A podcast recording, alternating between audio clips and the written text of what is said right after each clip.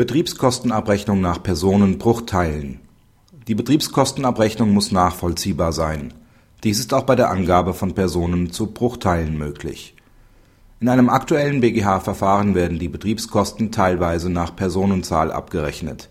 Diese werden ohne weitere Erklärungen in Bruchteilen angegeben, was der BGH mangels formalen Mangels der Abrechnung für zulässig erachtet.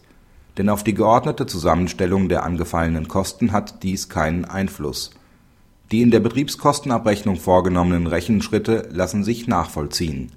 Wie die Ermittlung der Bruchteile hinsichtlich der Personen erfolgte, ist in der Abrechnung nicht darzustellen. Dies bedarf einer tag oder stichtagsbezogenen weiteren Berechnung. Durch solche Angaben würde die Betriebskostenabrechnung aber überfrachtet. Praxishinweis Der Entscheidung ist zu folgen: Abrechnungstechnisch stellt die Ermittlung der Personenzahl nämlich nichts anderes als einen Berechnungsfaktor dar der Vermieter muss diesen auf Nachfrage des Mieters jedoch darlegen und erklären können